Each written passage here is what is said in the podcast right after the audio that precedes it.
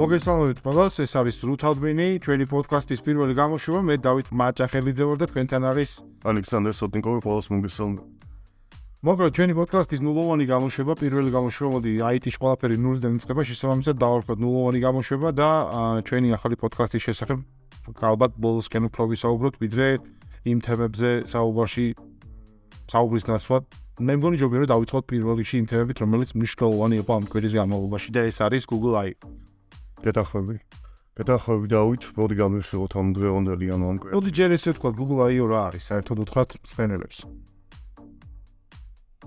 ნუ Google I-ო რა არის და კონფერენცია, სადაც დეველოპერებისთვის Google აწყობს თავისი პროდუქტების და ტექნოლოგიების გაცნობას, მათი თავრესილად ხდება მათი ბეტა ვერსიების და მათი სამუშაო ვერსიების დეველოპერული ვერსიების წარდგენა. iOS-ზე ყოველთვის ხდება Android-ის ახალი საოპერაციო სისტემის წარდგენა. შესაბამისად, ახალი მოწყობილობების წარდგენაც ხდება iOS-ზე და კიდე საინტერესო რამ ახალი მოწყობილობების გარდა, ზუსტად რაც ვიცით, რომ iOS-ზე ხდება, ეს არის Pixel-ის ბიუჯეტური მოდელის გამოშვება. მოდი დავითხოვთ ესე. აა ჯერ მოყვეთ ნაკლებად გემრიელ რაღაცებს და შემდეგ მოყვე უფრო გემრიელ და უფრო საინტერესო თემებს. მოდი დავითხოვთ იმით, რომ Pixel 7a გამოვიდა. რა ვიცით მის შესახებ? Pixel Room-DA დეტალურად რო ვთქვა, არის Pixel 7-ის ბიუჯეტური ვერსია, რომელსაც Tensor G2 პროცესორი აქვს, 8 GB ოპერატორული მასშტაბი და 11 დიუმიანი ბოდიში 11 დიუმი ძალიან ბევრია. Pixel 7a-ისთვის. სუპერ პლანშეტი გამოდის, მაგრამ აა, ვარდი გამოუშვეს, მაშინ ეს გამოუშვეს, მაგრამ მოდი განვიხილოთ ამ ეტაპისთვის, ანუ Pixel 7 რა გამოუშვა ამ ეტაპისთვის Google-მა თავისი Pixel 7-ისთვის. მოდი განვიხილოთ ანუ მისი სპეციფიკაცია.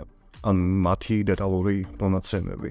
დეტალური მონაცემების შესახებ თუ გინდა რომ ვისაუბროთ, ეს არის აა octa-core, ანუ 8 ბირთვიანი Samsung-ის პროცესორი, მოდი ასე ვიტყოდე პირდაპირ, იმიტომ ეს არ არის Google-ის პროცესორი არ არის. კი, ქვია Tensor G2 რაღაცას შევერ. ეს ჯერჯერობით, ჯერჯერობით არ არის სრულად Google-ის მიერ შექმნილი პროცესორი, მიუხედავად იმისა, რომ Google-მა მას ჩააშენა უსაფრთხოების ჩიპი, მას ჩააშენა კამერის ალგორითმები და ამ შემდეგ მის მოარგო თავის აა მოთხოვნებს და ამით ის გამორჩეულია სხვა Exynos-ებისგან, მაგრამ მაინც Exynos-ია, ფულდება თბება, ასე შემდეგ და ასე შემდეგ, ხო? Exynos-ის თავი პრობლემები რაც არის Google-ის პროცესორზე გადავიდა. შეიძლება მე მახსოვს, რომ Tensor-ში აღმოჩნდა უსაფრთხოების ბაგიც, რომელიც ასევე სხვა Samsung-ის smartphone-ებში აღმოჩნდა შესაბამისად, ეს იმაზე მიუთითებს, რომ მას აქვს იგივე მოდემი, რომელიც აქვს Samsung-ის ტელეფონებს. აა ჯერჯერობით ალბათ სანამ Pixel-ზე გადავალ, და სანამ პიქსელის მომხმარებელი გახდები და ველოდები Tenzon Subs. იგივე და ხავი, მაგრამ Google ხელონდელი დღით აპირებს ანუ მოდი გამიხილოთ ამ სხვა რაღაცა. ა 700-ს გავიდა გამოუშვა ანუ Google, ანუ მოდი ჩამოვთვალოთ ამ ნეონოა სპეციფიკაცია, მოდი ამასაც მივყვეთ. ა მე მოდი დავამთავროთ, ანუ არ გვინდა ძალიან შევესწასვა. მოდი გამიხილოთ სხვა რაღაცეები, რა გამოუშვა დღევანდელ iOS-ზე და რა იყო პრეზენტაცია, რო ისი პრეზენტაცია იყო დღევანდელი დღით Google iOS-ზე. აა, მე მე თუ მკითხავ device-ების მხრივ აა დიდი არაფერი, იმიტომ რომ ყველაზე ხშირად გამოყენებადი სიტყვა პრეზენტაციაზე AI იყო და ამის შესახებ უფრო ცოტა ვისაუბროთ. ეხლა მოდი თვითონ ამ მოწყობილობაზე ფოკუსირდეთ, იმიტომ რომ ეს მოწყობილობა დიდი არაფერი მოწყობილობა არ გამოუშვია 7A-ის კვალობაზე ვიტყოდი, მაგრამ ალბათ foldi. იმიტომ რომ ეს არის პირველი foldi, პირველი კეთვადი ფიბოტონის ყოფილობა, რომელიც Google-მა გამოუშვა, ხა მისი მონაცემები გასაგებია, მაგრამ იგივე ტენზორული პროცესორია Full-ით რაც 7A-ში. ოკეი, მოდი, მოდი. მოდი, ხო არ არის ეს რაღაცნაირად ხო არ აკლინებს ამ მოწყობილობას. ჩემი საზრით, ანუ Google-ი დღევანდელი დღით ცდილობს აიღოს რაღაც გარკვეული ტიპის ნიშა თავისთვის.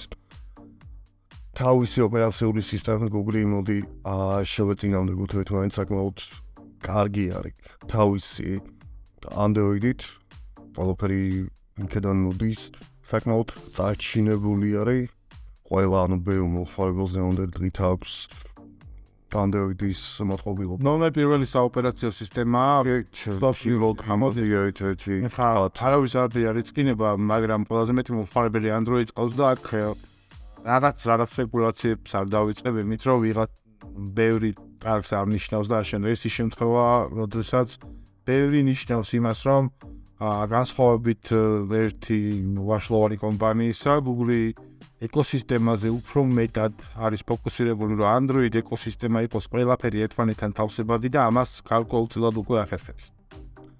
ამ ფაზზე შემილია, ანუ შეგეკითხა, ანუ შენ გადაიხდიდი 1799 დოლარს. მოდი აქ მსგავს 1800 დოლარს გადაიხდიდი მსგავს ტიპის device.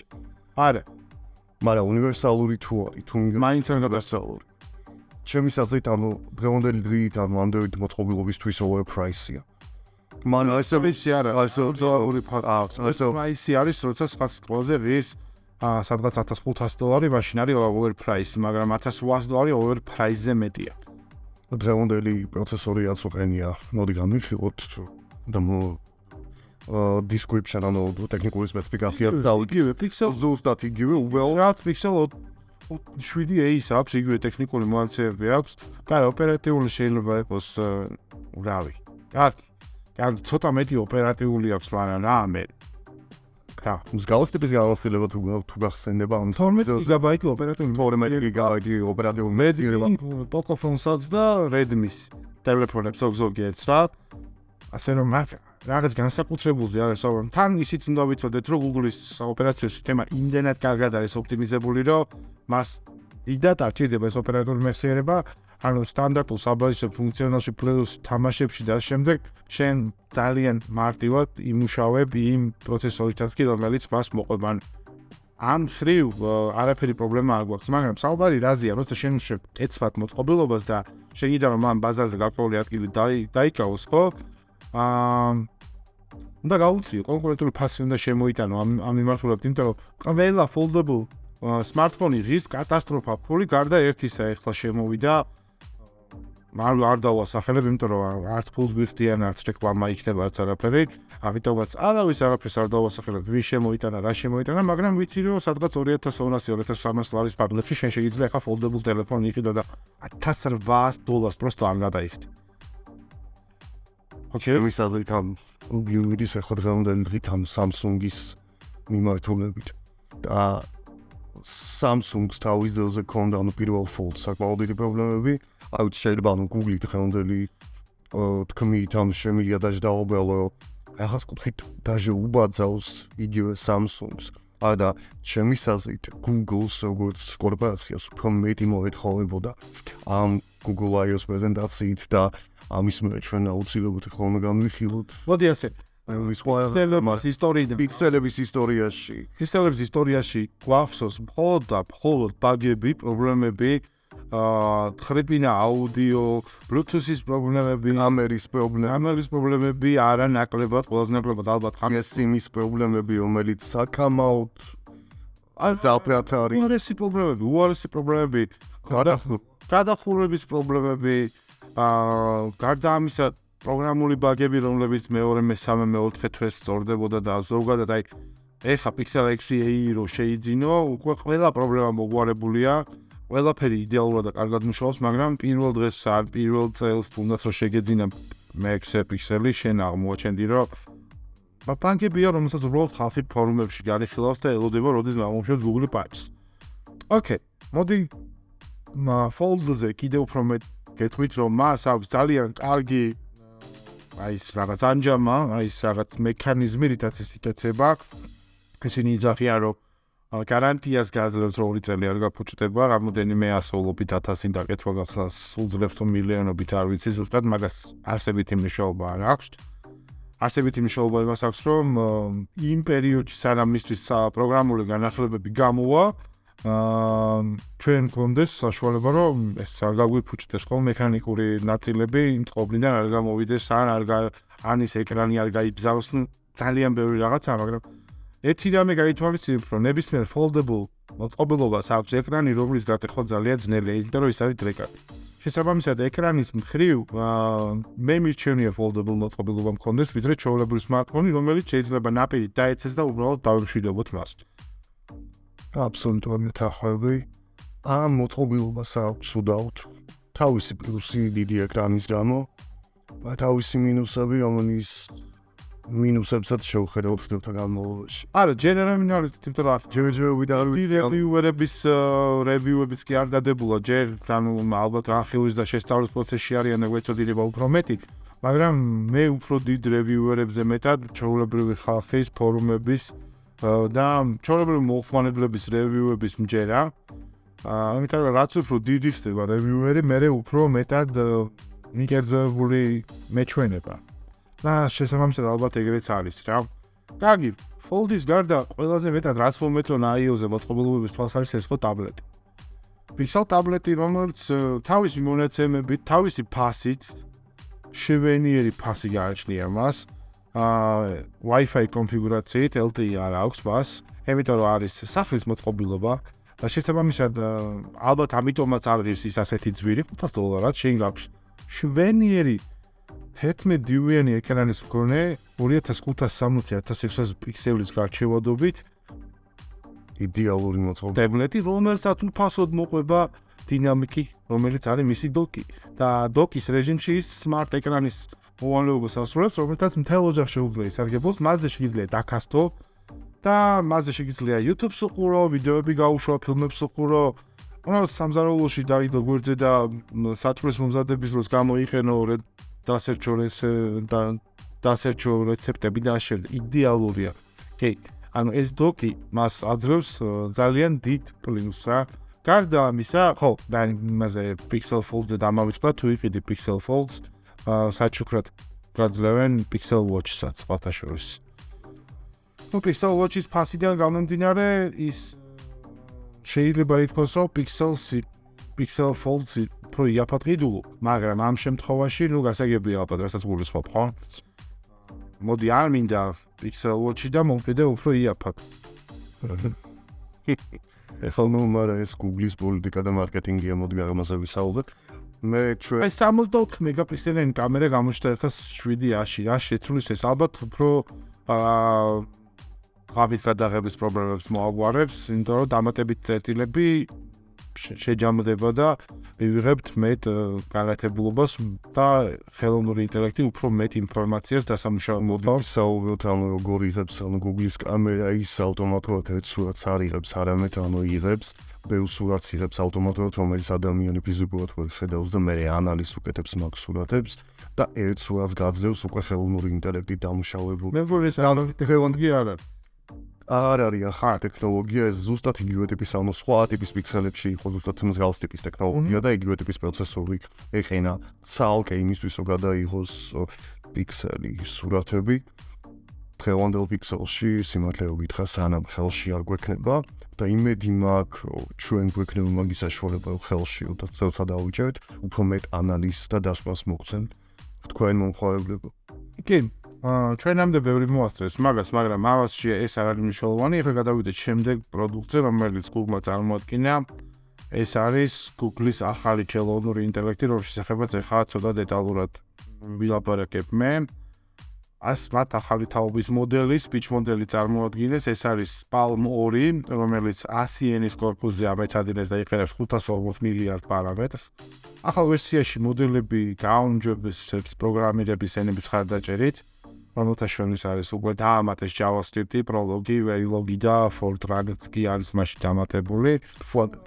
Flutter-ი და Dart ისედაც იყო სარგებლობდი beta ვერსიის პერიოდში და ბალძეთ თომა საჯარო გახდა 180 ქვეყნიდან უახლოს მომავალში დაემატება კორეული და იაპონური ენები, შემდგომში კი მას 40 ყველაზე გავრცელებული ენის ხარდაჭერა დაემატება, რომელ 40 გავრცელებული ენაში ჩვენი ენა არ არის. სამწუხაროდ, მაგრამ მაგრამ იმედია, იმედია დაემატება, იმიტომ რომ ქართული ერის корпуსზე რო იმეცადინოს გულმა ამისთვის საქართველოს რაღაც უნდა გააკეთოს ალბათ და მიაწოდოს მას შესაბამისი რესურსები, ლიტერატურული, სამეცნიერო კვლევები, ენის გრამატიკული მოდელები და ამ შემდეგ. აა იმედია ამაზე ვიღაცები მუშაობენ საქართველოში და იმედია ამას ჩართულია ქართული უნივერსიტეტები და ის ხალხი, რომელსაც მე მგონი ვალდებულება თუ არა აა სურვილი მაინც უნდა კონდეს, რომ ქართული ხელოვნური ინტელექტის განვითარებაში მიიღოს მონაწილეობა. მოდი ასე ვთქვათ, Google-ის შემთხვევაში შენ რო იყო Google-ი დაამატებდი თუ არა ქართულ ენას. და რა ანუ აი რა საუცილებლად როცა აიძახი რა საუცილებლად თითქოს ისე რომ Google-ის პრეზიდენტის გარებიძაშვილი იყოს ქართველი. რატო უნდა დაამატოს? Google-ს Google აკეთებს აბსოლუტურად ყველაფერს იმისთვის, რომ განვითაროს ნებისმიერ ქვეყანაში საკუთარი თავი ბიზნეს მოდელისთვისაც აწყობს Google-ს. და დამოშინა ბიზნესი Google საქართველოში. ამერაბისთვის Google-ის ცენტრალური ანუ ოფისი, რომელიც ამსახურება საქართველოს არის პოლონეთში. მსგავს სლუში არ საქართველოში როგორც ასეთი არ არის. მაგრამ open source community რომელიც მაქსიმალურად ბევრს აკეთებს მაგალითად სხვა ტიპის პროდუქტებს, რომელიც არის Google-ის და არა მარტო Google-ის, ანუ ბევრი ადამიანი ანვითარებს. მე მგონი ამაზე ყურადღება უფრო მეტიო იქნება და ეწმუნებული ვარ, რომ Google-ს ეკნება საკმაოდ კარგი პერსპექტივა საქართველოსიო იყოს. და მე მგონი ანუ ჩვენ ერთად უნდა გავაკეთოთ ეგ მიმართულება რომ იყოს უფრო განვითარებული. ჩვენ ყველაფერს ვეცდებით იმისთვის რომ ეს გავაკეთოთ, მუშაობთ კიდევაც იქ ცდილობს რაღაც Android-ის ოპერაციო სისტემის რაღაც ნაწილები გავა ქართულოთ იქ რაღაც open source პროექტებში ვინათ მონაწილეობს, მაგრამ ბიზნესისთვის ეს საკმარისი არ არის. open source დღეს ჩვენ კიდევ ერთხელ შევეხებით, მაგრამ უფრო სხვა კუთხით, მაგრამ ხა მოდი ეს თემას გავაგზავნებ. ესე იგი, Palm 2 ეს არის language model, რომელსაც დღეს მუშაობს Google-ის ხელოვნური ინტელექტი. რომელზედაც დღეს მუშაობს Bard-ი, რომელზედაც დღეს მუშაობს Google-ის Cloud-ის ხელოვნური ინტელექტის ფუნქციონალი, რომლის საფუძველზეც უკვე აა დიდმა კორპორაციებმა, ვებერთელა კორპორაციებმა უკვე დაიწყეს გამოყენება ამ ხელოვნური ინტელექტის და ისინი უკვე ამის მოხმარებლები არიან და ჩვენ ეს არის ის უხილავი პლეერი, რომელსაც ჩვენ ვერ ხედავთ, მაგრამ უკვე თურმე მუშაობს, ხო? მე პრეზენტაციას უყურე და ესე შტაბისილო შემეხრა, რომ Google-ს უკვე დიდი ხანია ხელოვნური ინტელექტი აქვს, უბრალოდ ამას არ ამარიაჟებდა რა. აი ხა უკვე მოვიდა დრო, რომ დაამარიაჟოს ეს ყველაფერი, თუმცა რაც კი რა Google-ს ხელოვნური ინტელექტი დღეს წარმოადგენა, უმეტესობა Bard-ის ვერ და მხოლოდ მხოლოდ რეგისტრაციის შემდეგ რიგში ჩადგომით და ასე შემდეგ ალბათ რა ვიცი, ბევრი წვალების შემდეგ გახდება ჩაულებრივი მოხმარებელების ხელმისაწვდომი, ხო? ჯერჯერობით ისინი ყველაფერზე ამბობენ რომ ან შემოდგომაზე ან წლის ბოლოს ან მომავალ წელს ან დავიღალე რა უბრალოდ ამ ისტორიის დამიხედვით მოდი დავიღა ასე ვთქვათ ისტორიის დამიხედვით Google არის კორპორაცია რომელსაც საკმაოდ ბევრი იდეა და საკმაოდ ბევრი პროდუქტი ჰქონდა. ოდედგან და ანუ ბევრ პროექტს Google როგორც ასეთი ანუ იწევდა და მე ხურავდა. არაერთი გვახსოვს ჩვენ რომელიც მასე მოგწეულა კომპანია Google და დღევანდელი ინოვაციური რაღაც მიმართულებით აუ შეიძლება წარმოიდგინე რომ AI AI დახურა. მე ამ შემთხვევაში Google AI სამერაბისთვის არ დახურავს მაგრამ მე შემიძლია ვთქვა ანუ ჩემი მოგზაურებული აზრით დღევანდელი დღით Google კი შეიძლება ქონდა კიდევაც და ანუ ჩვენ გვახსოვს თავის ძეზე Google-ის ამშრომელი რომელიც საუბრობდა ხელოვნური ინტელექტი ოდესაც ესაუბრებოდა გამახსენდა ეგონა რომ ხო ეგონა ეგონა ადამიანი იყო ხო კი ბატონო ხო კი ბატონო და ცოცხალი არის. ამ შემთხვევაში Google-ს ეს ინფორმაცია ქონდა და არა მე ინფორმაცია მაქვს რომ ის ადამიანი ხა ფსიქოლოგიურ დახმარებას აა მოუჩენენ მას ფაქტიურად რომ ბრაუდის გადაიღალა როგორც აღმოჩნდა თავის სამსახურში და იმდენად შეტოპა რომ ჩავარდა იმ ილუზიაში რომ მართლა რეალურ ინტელექტს საუბრებოდა. თუმცა მე არ გამოვრიცხავ რომ უახლოეს მომავალში თუ არა ჩვენ სიცოცხლეში მოვესწრებით artificial general intelligence AGI-ს, რომელიც შეიძლება მაინც რომ თავი მოგვაჩვენოს უკვე სრულყოფილ AI, ხო? ჩვენ ხო ერთმანეთს თავს ვაჩვენებთ, რომ ჭკვიანები ვართ, ხო? რეალ გაუსი ტიპის მოდელები მოდიას. რეალობაში ხო ჭკვიანები არ ვართ, ხო? ჩვენ გაუსი ტიპის მოდელები, ოდესაც ანუ ვითარდებოდა ანუ ნებისმიერი ხელოვნური ინტელექტი. თავის ძროზე ხელოვნური ინტელექტს აქვს გარკვეული ტიპის პატერნი, რომელზეც არის ამ ეტაპისთვის მასწავლი, ისევ და ისევ ადამიანისგან და რაც გავუნადი ნახავს ადამიანები, რომლებიც პატერნებით აზროვებენ. თუ პირიქით უფრო არ მინახავს ისეთი, რომელიც არ აზროვებს პატერნებით, ხო? მე მგონი უფრო ბევრი ადამიანი ბევრი არა, მე მგონი არ არსებობს ადამიანი, რომელიც პატერნებით არაზრუნებს. გეთახმები. აჰა. მაშინ მოდი ხელოვნურ ინტელექტს, სანამ ინტელექტს დაუწუნებდეთ, მანამდე ჩვენს ინტელექტს მივხედოთ. და ჩემი აზრით მე მგონია რომ ხელოვნურ ინტელექტს კი არ უნდა გვეშინოდეს, უბრალოდ ჩვენ უნდა განვითარდეთ როგორც ადამიანები, ჩვენი ინტელექტუალური, მორალური და შემდეგ აა პასიულობები ჩვენი უნდა გავზარდოთ იმ დონეზე, რომ თანაზომადი ვიყოთ უკვე იმ ხელოვნურ ინტელექტთან, რომელიც მოდის. ის აუცილებლად მოვა ეს უკვე გარდაუვალია. Bill Gates დავეთანხმები მაშინ, როცა ამბობს, რომ ხელოვნური ინტელექტის რევოლუცია უკვე გარდაუვალია. ანუ გიურად. კიდევ ერთი დღევანდელი ოკეს. კარგი გემრიელი ა ადამიანი რომელიც არის ილონ მასკი თავის ძილზე რომელიც აპროტესტებდა რომ არ უნდა გავანვითაროთ ხელოვნური ინტელექტი და ოდესაც ამბობდა რომ არ გჭირდება ეგ და ზუსტად ერთ კვირაში ხუთ დღეში გამოაცხადა რომ ქმნის ახალ კომპანიას რომელსაც ქვია XAI და ხელოვნური ინტელექტის გავიდა XAI-ს კომპანიის ვადგის კომპანიას რომელსაც ანუ რომელსაც დაარქვა ანუ XAI და ანუ ნუ შემიძლია ვთქვა ანუ ილონ მასკს მე მგონი X-ზე გავითულება აქვს კარგი მარკეტოლოგია, კარგი მენეჯმენტის მქონე ადამიანია, მაგრამ ა კომპანიას ამვითარებს და არქვა ამ კომპანიას XAI SpaceX-ი აქვს და ნუ თავის შულს ამ და არქვა ანუ სახელი XR რაღაცა ანუ შემიძლია შეიძლება გადაწარმოთქვა ზუსტად იგივე სიტყვებიაც და არქვა მაგრამ მსგავსი ტიპის ადამიანი რომელიც აკეთებს და ანუ რომელიც აპროტესტებს ეს არის მისთვის ჩვეულებრივად კიდევ ერთი ბიზნესი. სხვა არაფერი და არც ა ბოდი ყველაფერი რო ვთქვათ რომ თუ გვიდა რომ განვითარდეს ეს აუცილებლად უნდა მოხდეს ბიზნესის საშუალებით თუ ეს არ იქნება ბიზნესი, თუ ეს არ იქნება მონგებიანი ან კომპანიისთვის, ან ადამიანთა ჯგუფისთვის, და ზოგადად კაცობრიობისთვის, გამოსადეგი თუ არ არის ეს ნებისმიერი ასეთი პროექტი განცირულია, ხო, ასე ამის ბევრი მაგალითი გვაქვს ისტორიაში. შესაბამისად, მე რამეს ვიტყოდი, სანამ ილონ მასკზე გადავიდოდი, რომ აა Google Workspace-ის მოხმარებლებს უკვე მიცა წდომა აა ხელოვნურ ინტელექტზე Workspace-ის მოხმარებლები, ანუ Google-ის ფასიანი მასიანი აკაუნტი სოსტი ობელები რომელზეც არის ანუ Gmail-ი და ბევრი სხვა ტიპის სერვისები. Doxy-ში ანუ იასკა. იასის კიდე პრეზენტაციებს რა ქვია არ ვიცი. ოკეი. აა მოკლედ, შეგიძლიათ ტექსტური პრომპტების საშუალებით თქვენი დოკუმენტები შექმნათ, გადაწეროთ, გადმოწეროთ, მასში დაამატოთ აა თქვენთვის სასურველი ტექსტი, თქვენთვის დააგენერიროთ თქვენთვის სასურველი სურათები.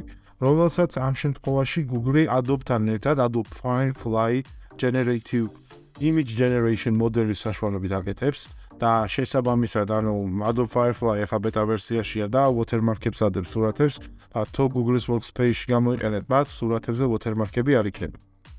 კიდე აბიებენ ჩაშენონ Gmail-ში ნებისმიერი დაწერილი შენი პრომპტის დასაწყისი თუ გაქვს შეუძლია Google-ს სამომავლოდ გაანალიზოს შენი მიმოწერა Gmail-ის. აჰა. და მიწეროს ავტომატურად ინტელექტმა მიწეროს ავტომატური პასუხი თუ შენ გაქვს ჩართული ეს ფუნქციაც. ხო, მაგრამ ამას ალბათ უფასო Gmail-ის მომხმარებლები დიდი ხანი ვერ ვიხილავთ. ალბათ ეს არ ჩართული მხოლოდ Google Workspace Workspace for Enterprise და ასე შემდეგ მინიმალური აკაუნტის ფასი სადაც იწება 6 დოლარიდან აკაუნტი. ეს ხარბალ ეთონ ხარბალზე. თარინგს რო იაფადაც 5 დოლარი და 40 ცენტია. აი, ეს ვიძახი როცა რესელერთან მიყო. RSL-ს შეუძლია სხვა ტიპის ფასდაკლებაც განიკეთოს და მეტი ფასდაკლებით მიიღო Google სერვისები, როგორც ინდივიდუალური ხო, მოლაპარაკებები. ხო, ანუ ინტერნეტში ფასები ყველას ერთია, მაგრამ ინდივიდუალური მოლაპარაკებაც არის ამ ხრივ შესაძლებელი და მიმართეთ უახლოეს Google-ის წარმომადგენელს თქვენთან თქვენი ლოკაციის და გეოგრაფიული მდებარეობის მიხედვით. კარგი. განდა ამისა search-ის შესახებ ვილაპარაკეს კიდე ძალიან ბევრი, სადაც Liz Reed-მა, რომელიც Google-ის search-ის მიმართულების ხელმძღვანელია, თქვა, რომ დააჩვენა კიდევაც პრეზენტაციაზე, რომ აა search-ის რეზულტები, ანუ ჩვენ როცა რაღაცას დაუგუგლავთ, თან ჯერ გამოჩნდება. Google AI-ის მიერ მომზადებული აა სპეციალური ეს თქვა შემაჯამებელი შედეგი, სადაც ყველაფერი დეტალურად გამომწურავად და შესაბამისად დალოგებულად იქნება მოწოდებული კონკრეტული ჩვენი მოთხოვნის და შესაბამისად და შემდგომში გამოჩნდება და შემდეგ უკვე გამოჩნდება ქვევით ჩვეულებრივი საძიებოს შედეგი. თეთრებით ამ ფუნქციონალით ვერ ავსარგებლობთ, ვერ ვსარგებლობთ, მაგრამ მალე ესეც გამოჩნდება. აა გვპირდებიან რომ თulis ბოლომდე ეს ფუნქციონალი სრულად იქნება იმპლემენტირებული. შესაბამისად, მოკლედ Google-მა სუნდარ პიჩა იმდენჯერ თქვა სიტყვა AI რომ ინტერნეტში მიმებით კი არის სამერთან დაგოლების მიერ ან სოციალურ ქსელს შეგვილი ანუ ფოტოეგმები ანუ ყველგან არის მე მგონი ყველას გინახიათ ეგ და გაგიცინიათ გაგიღიმიათ მაგმუნზე ასევე ჩვენეს music element music element არის ა მუსიკის შესაქმნელი AI რომელიც AI test kitchen აპლიკაციაში აქვს. რომელსაც თომი Android-ზე და iOS-ზე სამწუხაროდ ჩვენს რეგიონში მასე თქო არ არის ო რა შეგვილია ჰაუ. ისარგებლოთ ისევ და ისევ ეს დაბიანით ეს დაუნიცებ და შეგვილია ნახოთ და დაუტესტოთ ზოგიერთი ვერა ზოგიერთი პროდუქტი. ვერა.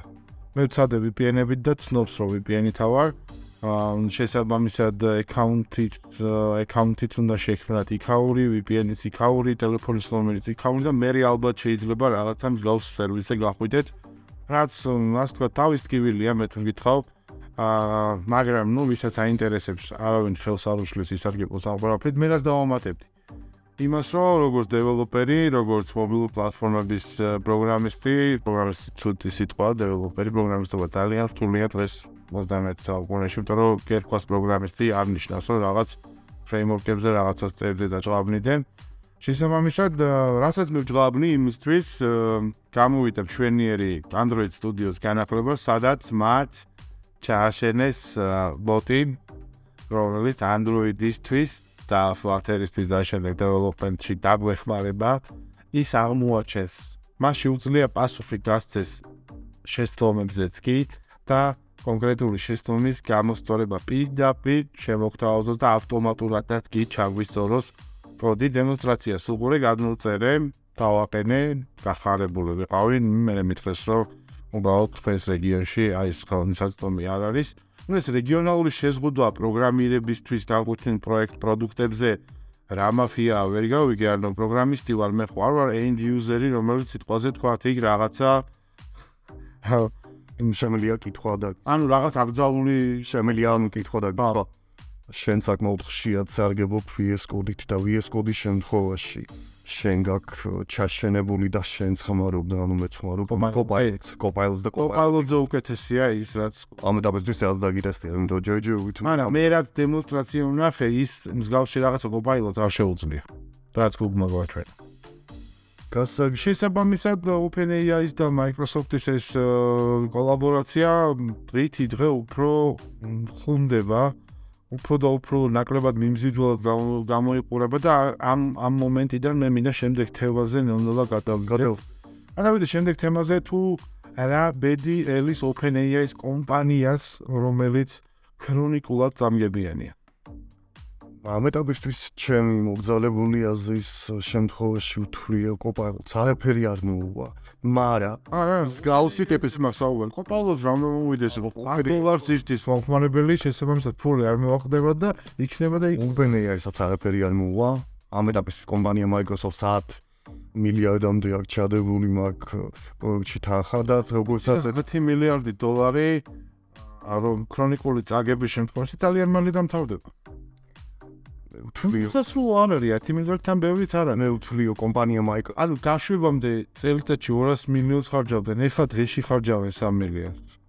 მე ვთვლიო კომპანია Microsoft-ი თავისი ბრაუზინგის მემართულებით როგორც გამოვიდა OpenAI ჩადო მაგაში საკმაოდ დიდი ინვესტიცია და Windows 12-ში, სადაც მე სამმაოლოში იმაში გადაცემებში ჩვენ აუცილებლად გამო ანუ უბრალოდ განვიხილოთ უფრო უკეთესად. ბანგ well დღევანდელ თემებში არ არის ეგ, მაგრამ ჩემი საზრი. კი ბატონო, გიბულიო. აი შენ მაგალითად ხანბაიმანებელი ლეპტოპი გაქვს Windows 12-ზე განახლება მოგივიდა და იმისთვის რომ სულ ფასოვნად ისარგებლო Windows 12-ით, კიდევ გავწ თვეში რაღაც 10 თუ 20 დოლარის გადახდა რომ ეს AI ფუნქციები მიიღო გადაიხდი. მე პირადად რატო? აა თვლიან სხვა ტიპის საშუალება არსებობს, შესაძაც ამ სარგებელ მე ანუ Windows მომხარებელი ვარ. ხოდა მანდვარ მეც, მანდვარ მეც გადავიხდი თუ არა ეს მასაკითხია, რა თქმა უნდა, თუ დამაინტერესებს გადავიხდი კიდევ საჭირო იქნება. თუ ამ რეალურად ჩემი საქმიანობის და ჩემი ბიზნესის და ჩემი პირადი განვითარებისთვის ბუსტი ბუსტი მომცა, რა თქმა უნდა, ამაში გადავიხდი მე ფულს, მაგრამ საქმე რაშია რომ აა ჯერ კიდევ, ჯერ კიდევ აა მარტში, როცა Facebook-მა ლამა გამოუშვა ოფენსორსად, როცა სტენფორდის უნივერსიტეტ, ბერკლის უნივერსიტეტმა კოალა გამოუშვა, სტენფორდმა ალპაკა გამოუშვა. აა სადღაც ერთ კვირაში ის უკვე MacBook-ზე გაუშვეს ვიდეო ბარათის გარეშე, GPU-ს გარეშე და საკმაოდ ნორმალური სიჩქარით მუშაობდა და აა დამატებითი ტრენინგის შემდეგ საშუალება მისცა მოხმარებლებს რომ ChatGPT-ს მსგავსად ეს მსგავსი შედეგი დაიდო. ну, რა თქმა უნდა, მარტის მერე, მარტის მერე ჩიმდენი ტრენინგი ჩაუტარეს ამ ღია source მოდელებს.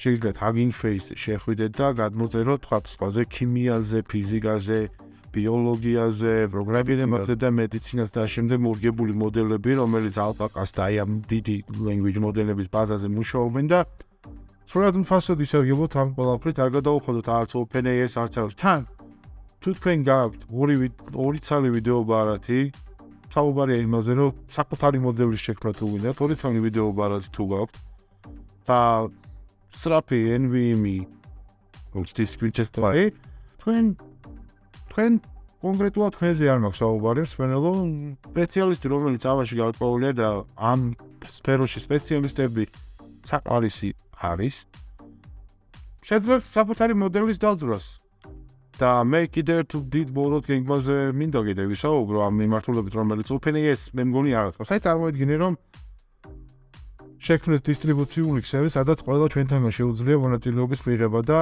თელმა მსოფლიომ, თელმა open source საზოგადოებამ გამოვყავით ჩვენი კომპიუტერის ну, თქვა თუ 8 ბირთვიანი კომპიუტერი და 2 ბირთვი დაუთმეთ აი ამ ინიციატივას. რა შანსი აქვს OpenAI-ს 10 მილიარდი დოლარით უფრო ძლავრი და დიდი data center-ი ააშენოს? არანაირი, ხო? data center-ის შემთხვევაში მე შეგეთახობიო ტექნიკური სპეციფიკაციის შემთხვევაში.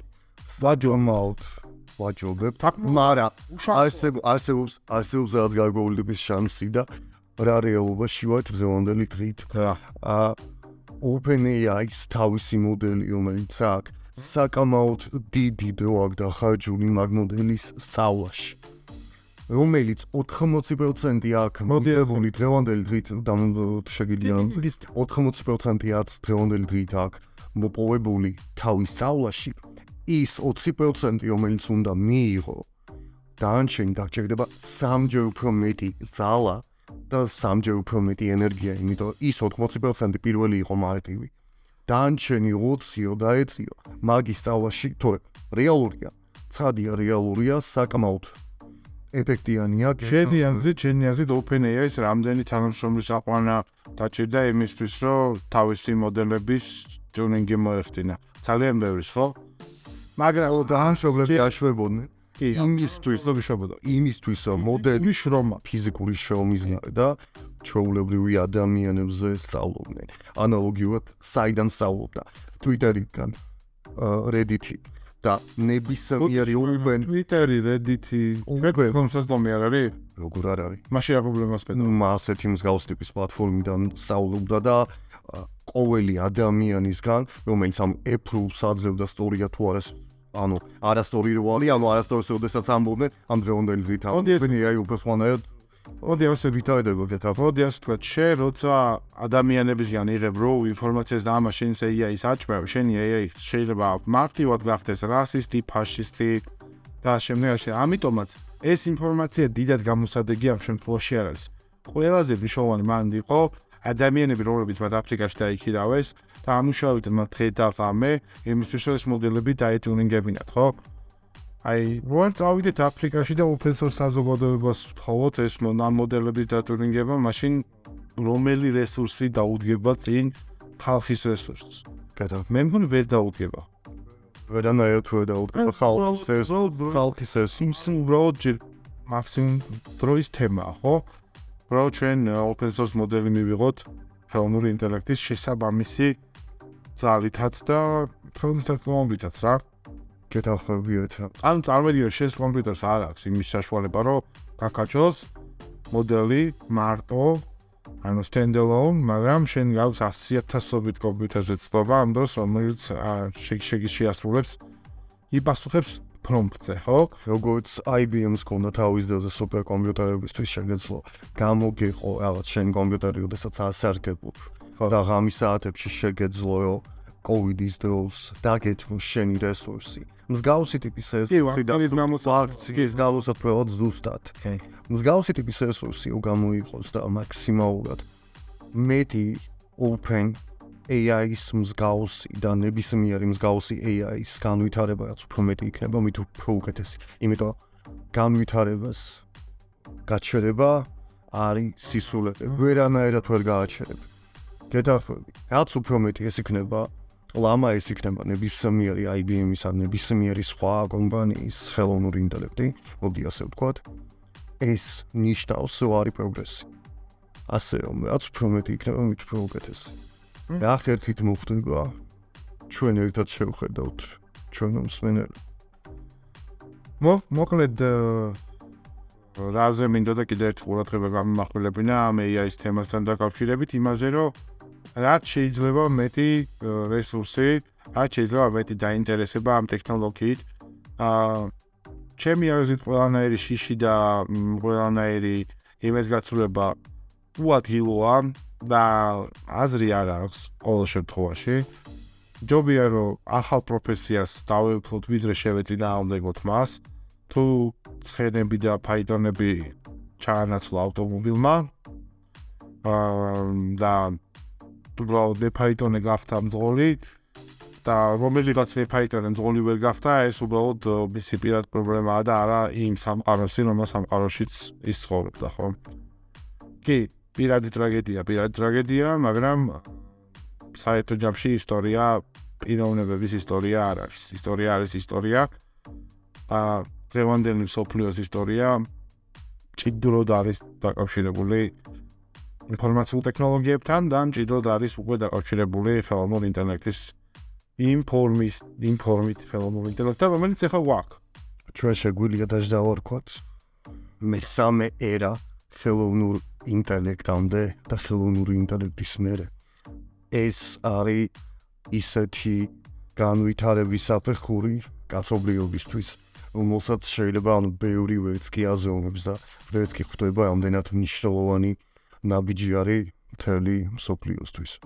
გეთახმებ. ეხლა კი გადავინახოთ იმ ნაწილზე ჩვენი პოდკასტის, სადაც ამ პოდკასტის შესახებ მინდა გითხრათ. იდეა იყო ტრენიერი, რომ ეს პოდკასტი უნდა დავიწყოთ. რომ უნდა დაგვეწყო, ეს იდეა სადღაც მარტში მოგვივიდა თავში. და ჩვენ ვეცდებით, რომ აა მინიმუმ ყველა მნიშვნელოვან ივენტზე ჩვენ გვეხება ვრცელი პოდკასტი და ვეცდებით, რომ იყოს პერიოდულები, კვირაში ერთხელ მინიმუმ გავიდეთ ეთერში, აგესაუბროთ ამ ყველაფერზე. და ასევე არ დაგაუწესო სერვერ ადმინჯიზე, სერვერ ადმინჯი ეს არის ჩვენი საიტი. აჰა. გიხმობთ, ჩემობით. ყოველ დღე შეგიძლიათ ნახოთ. განახლე და მოусმინოთ ყოველდღიურ პოდკასტს, რომელიც, ну, ამ სიახლეების აუდიო ვერსიაა. გაიცნოთ ახალ სიახლეებს და ჩვენ შემოგვიერთდით. ანალოგიურად თქვენი კომენტარები არც იქნება საომალოდ.